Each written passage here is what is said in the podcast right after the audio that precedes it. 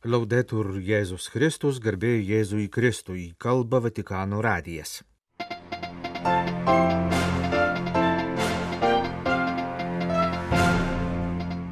Popiežius vadovavo verbų sekmadienio mišioms Šventojo Petro aikštėje.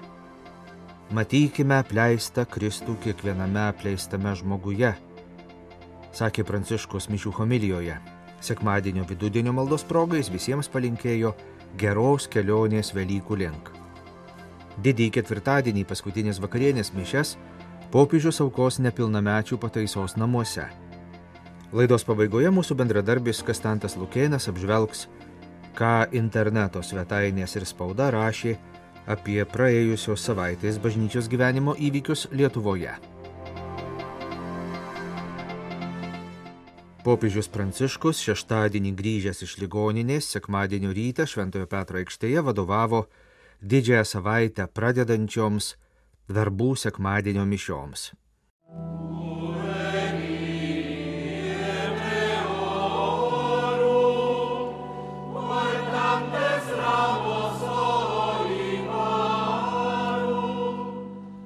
nors per verbų sekmadienio procesiją ir prie Euharistijos aukos altoriaus jį pavadavo kardinolų kolegijos vicedekanas Leonardo Sandri, pats Pranciškus pradėjo iškilmes liturginių pasisveikinimų, jis pats pasakė homiliją ir pabaigoje suteikė palaiminimą.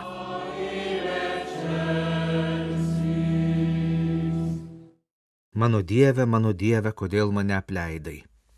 Šis šauksmas tai vieninteliai Jėzaus ant kryžiaus ištarti žodžiai. Šie žodžiai, sakė popiežius Pranciškus verbų sekmadienio mišių homilijoje, mus priartina prie Kristaus kančios slėpinio esmės.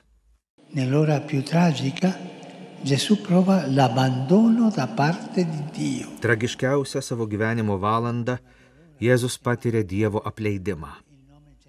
Jis mato uždarytą dangų žino, kad atsidūrė ties tamsiausia riba, jaučia, kaip viskas dūšta, kaip žlunga bet koks tikrumas.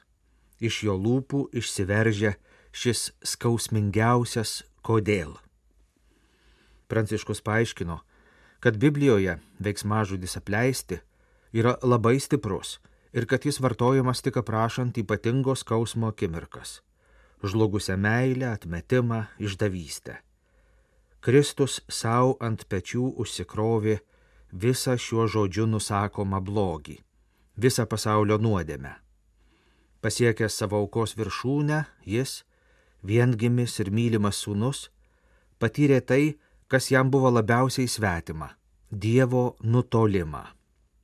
E perché è arrivato a tanto? Per noi. Non c'è un'altra risposta. Pasak Pranciškaus, čia savaime kyla klausimas, kodėl Jėzus tai padarė. Atsakymas yra tik vienas - jis tai padarė dėl mūsų. Jis mus atjaučia ir myli iki kraštutinumo. Jis nori būti su mumis iki galo, kad ne vienas niekada nebūtų vienišas, kad nemanytų, jog neturi išeities. Jėzus patyrė apleistumą, kad nepaliktų mūsų nevilties įkaitais ir amžinai būtų šalia mūsų.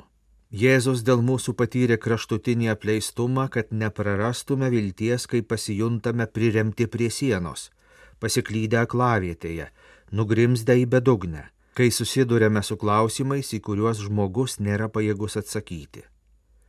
Žinokime, kad tokios akimirkos nėra pabaiga, nes Jėzus pats patyrė kraštutinį apleistumą. Iš meilės jis prisėmė visą mus gyvenime ištinkantį apleistumo skausmą. Jis tai padarė, kad mes kiekvienas galėtume sakyti, mano nuopoliuose, mano apleistume, visada, kai jaučiuosi išduotas, atstumtas ir paliktas, tu Jėzau esi šalia. Tu esi su manimi mano nesėkmėse, kai jaučiuosi klystantis ir prapuolęs, kai nebegaliu susitvarkyti.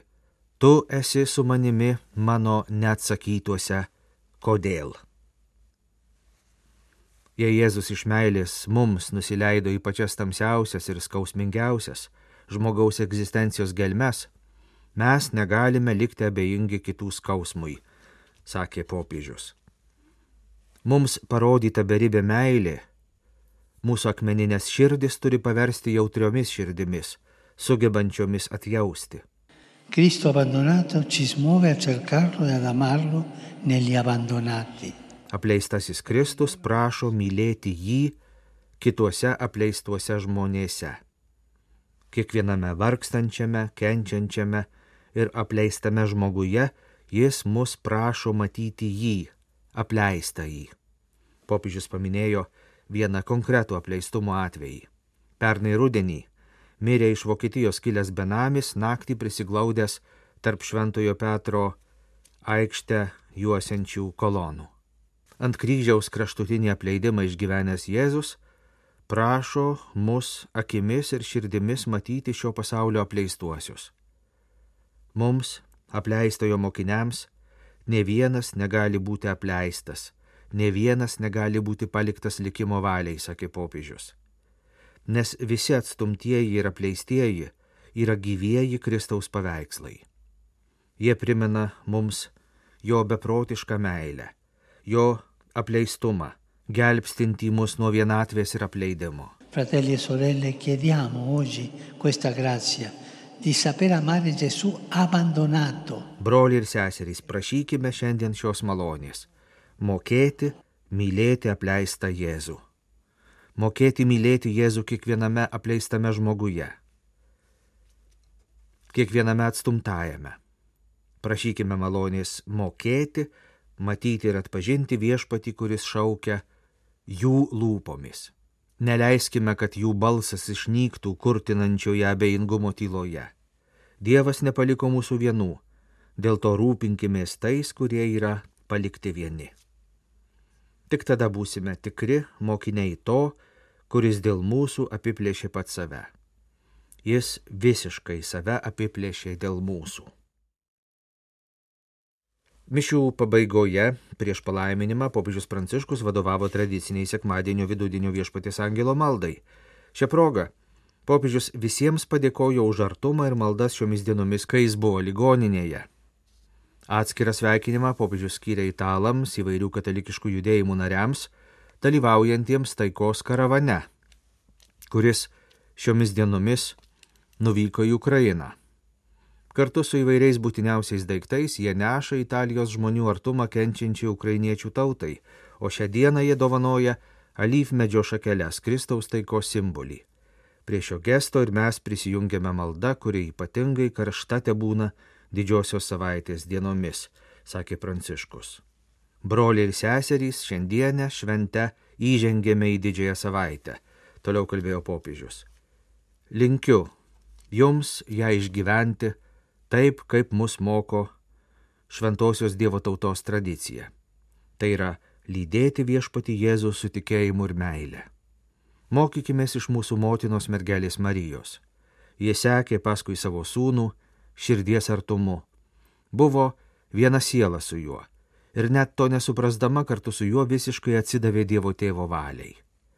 Tegul Dievo motina padeda mums išlikti arti Jėzaus, esančio kenčiančiuose, atstumtuose, apleistuose žmonėse. Visiems geros kelionės link Velykų, linkėjo Pranciškus. Kasmet didžiąją savaitę ir per Velykas Šventojo Petro aikštę papuošia tūkstančiai gėlių. Aikštės dekoravimu ir gėlių kompozicijų kūrimu pasirūpina Vatikano sodų gėlininkai, bendradarbiaudami su augalų ir gėlių aukotojais. Alyvmedžio šakelės, kurios buvo dalyjamos Šventojo Petro aikštėje vykusių šiemetinių darbų sekmadienio mišių dalyviams, buvo atvežtos iš alyvų aliejumi garsėjančio Italijos Umbrijos regiono. Per Velykas Šventojo Petro aikštę papuoš net 35 tūkstančiai gėlių, kurias dovanoja Olandijos gėlininkai. Pasaulinis rožių augintojų alijansas šią progą padovanojo 720 rožių. Vatikano gėlininkai kartu su gėlių dizaineriais iš Olandijos ir Slovenijos dirbs visą didįjį penktadienį, kad didįjį šeštadienį ir Velykų sekmadienį maldininkai galėtų gerėtis gėlių kompozicijomis. Didįjį ketvirtadienį popiežius Pranciškus aplankys Romos Kazaldelmarmo priemiestyje esančius nepilnamečių pataisos namus ir ten aukos paskutinės vakarienės mišes. Popiežius Pranciškus jau vienuoliktą kartą Romoje vadovaus didžiosios savaitės ir Velykų iškilmėms. Jo išrinkimo diena 2013 m. kovo 13 buvo ketvirtosios gavėnio savaitės trečiadienis. Tais metais Pranciškus pirmą kartą kaip popiežius vadovavo didžiosios savaitės ir Velykų iškilmėms. Tais metais jis įvedė ir naują paprotį, kad didžiojo ketvirtadienio paskutinės vakarienės mišios aukojamos ne Vatikano bazilikoje ar popiežiaus katedroje Laterano bazilikoje, kaip buvo iki tol, bet kurioje nors nedidelėje visuomenės paribių bendruomenėje. Pirmųjų savo pontifikato metų didįjį ketvirtadienį 2013 kovo 28 dieną Pranciškus aukojo paskutinės vakarienės mišes tame pačiame Kazal del Marmo nepilnamečių kalėjime, kuriame jas aukos ir šiemet. Kitais savo pontifikato metais, didžiojo ketvirtadienio pavakarę popiežius lankė ligoninės, kalėjimus, migrantų registravimo centrą. 2020 metais dėl pandemijos didžiojo ketvirtadienio mišios neįvyko 2021-aisiais didį ketvirtadienį popiežius aukojo mišes dėl netinkamo lėšų tvarkymo teisiamo kardinolo namuose. Kaip informavo Šventojo sostos spaudos salė, šių metų didžiojo ketvirtadienio mišes Romos Kazaldel Marmo nepilnamečių pataisos namuose popiežius aukos privačiai. Tai yra, juose galės dalyvauti tik nuteistieji nepilnamečiai ir pataisos namų personalas tačiau mišios bus transliuojamos įprastiniais Šventojo sosto komunikacijos dikasterijos kanalais. Šioms mišioms būdingas elementas yra Kristaus meilė ir nusižeminimą simbolizuojančios kojų plovimo apėgos.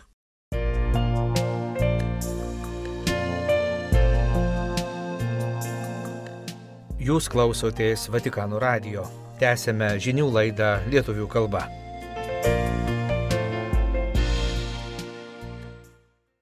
Kastantas Lukėnas apžvelgs, ką interneto svetainės ir spauda rašė apie praėjusios savaitės bažnyčios gyvenimo įvykius Lietuvoje. Praėjusį šeštadienį telšiuose įvyko metinė šeimos centrų konferencija, skirta nuolat besidarbuojantiems ir savanoriaujantiems šeimų sielovadoje. Lietuvos viskupų konferencijos pirmininkas arkivyskupas Gintaras Grušas prisiminė beveik prieš 25 metus įvestus kursus sužadėtiniams ir su tuo susijusius sunkumus. Arkivyskupas džiaugiasi, kad visi sunkumai buvo nugalėti, o šiandien kursai sužadėtiniams yra savaime suprantamas dalykas, duodantis gražių vaisių, stiprinant visuomenėje supratimą apie krikščionišką šeimą. Pagrindinį pranešimą apie popiežiaus pranciškaus pasiūlymą santokos kelioniai skaitė šeimos reikalų tarybos pirmininkas vyskupas Arūnas Poniškaitis. Jis apžvelgė pasauliečių šeimos ir gyvybės dikasterijos prieš metus paskelbtas pastoracinės gairias, kuriuose santokinis gyvenimas prilyginamas katechumenato kelioniai. Kaip didieji Kristaus kančios, mirties ir prisikėlimo slėpiniai būdavo išgyvenami baroko epochoje, pasakoja bažnytinio paveldo muziejuje atidarytos parodos Teatrum Biblikum kuratorė menotyrininkė Asta Giniūnenė. Su šia tradicija siejamas parodoje pristatomas unikalus XVIII amžiaus pirmosios pusės paveikslų ciklas iš Šviekšnos Šventojo Paštolo Jokūbo bažnyčios. Viešumoje neslūksta dėmesys istoriniam Konstantinopolio patriarcho vizitui, svarstoma apie jo padarinius. Bernardinų dienraštyje Saulena Žiūkždaitė pakalbino kuniga Vitalijų Mockų, vieną iš penkių ortodoksų dvasininkų, kurie buvo pašalinti iš Maskvos patriarchato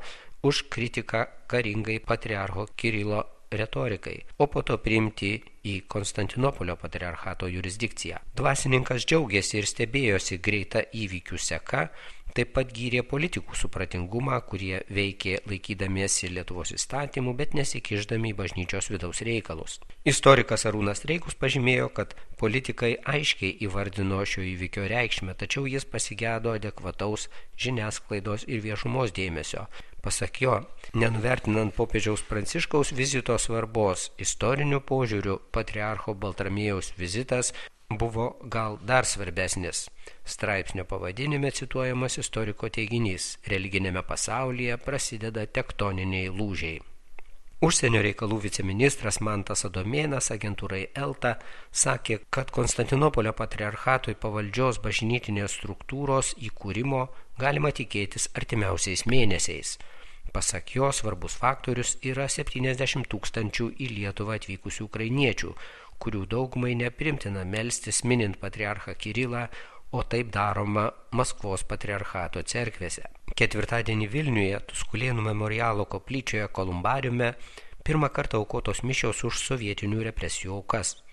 Jomis paminėtos aukos, kurioms 1944-47 metais įvykdyta mirties bausmė NKVD kalėjime Vilniuje.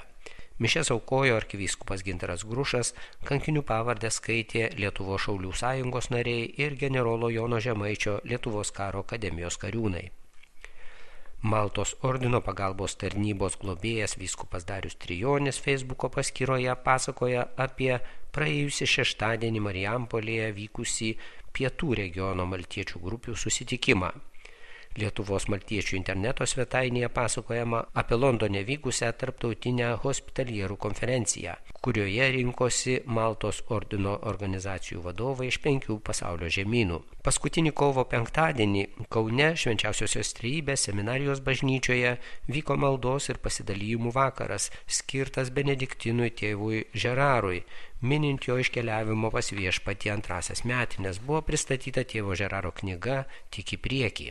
Ketvirtadienį Kauno švenčiausiosios trejybės bažnyčioje vyko susitikimas su misionieriais iš Didžiosios Britanijos Michel ir Peter Moranais. Konferencijose dalytasi apie atvirumą šventosios dvasios balsui ir pasauliečių vaidmenį bažnyčioje. Naujame balandžio artumos mėnraštyje paskirtasis vyskupas Saulis Bužauskas pasakoja apie savo pašaukimą antraštę cituoju, daug metų sakiau Dievui ne.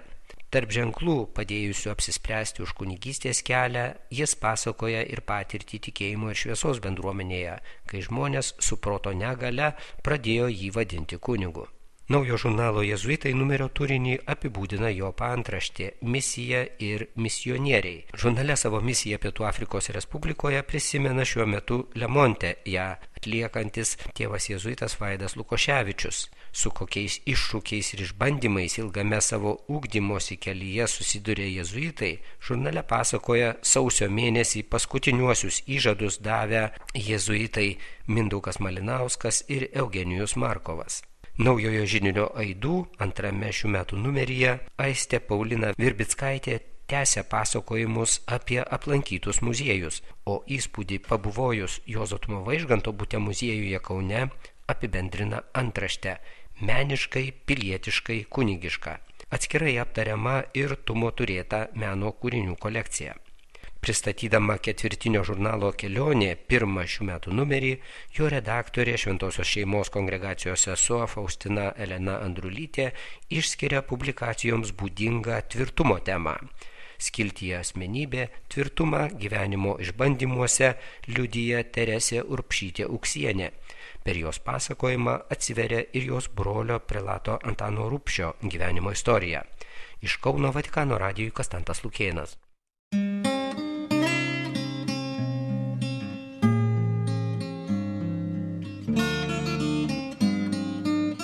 Kalba Vatikano radijas. Laidą lietuvių kalba baigėme. Garbėjai Jėzui Kristui, laudetur Jėzus Kristus.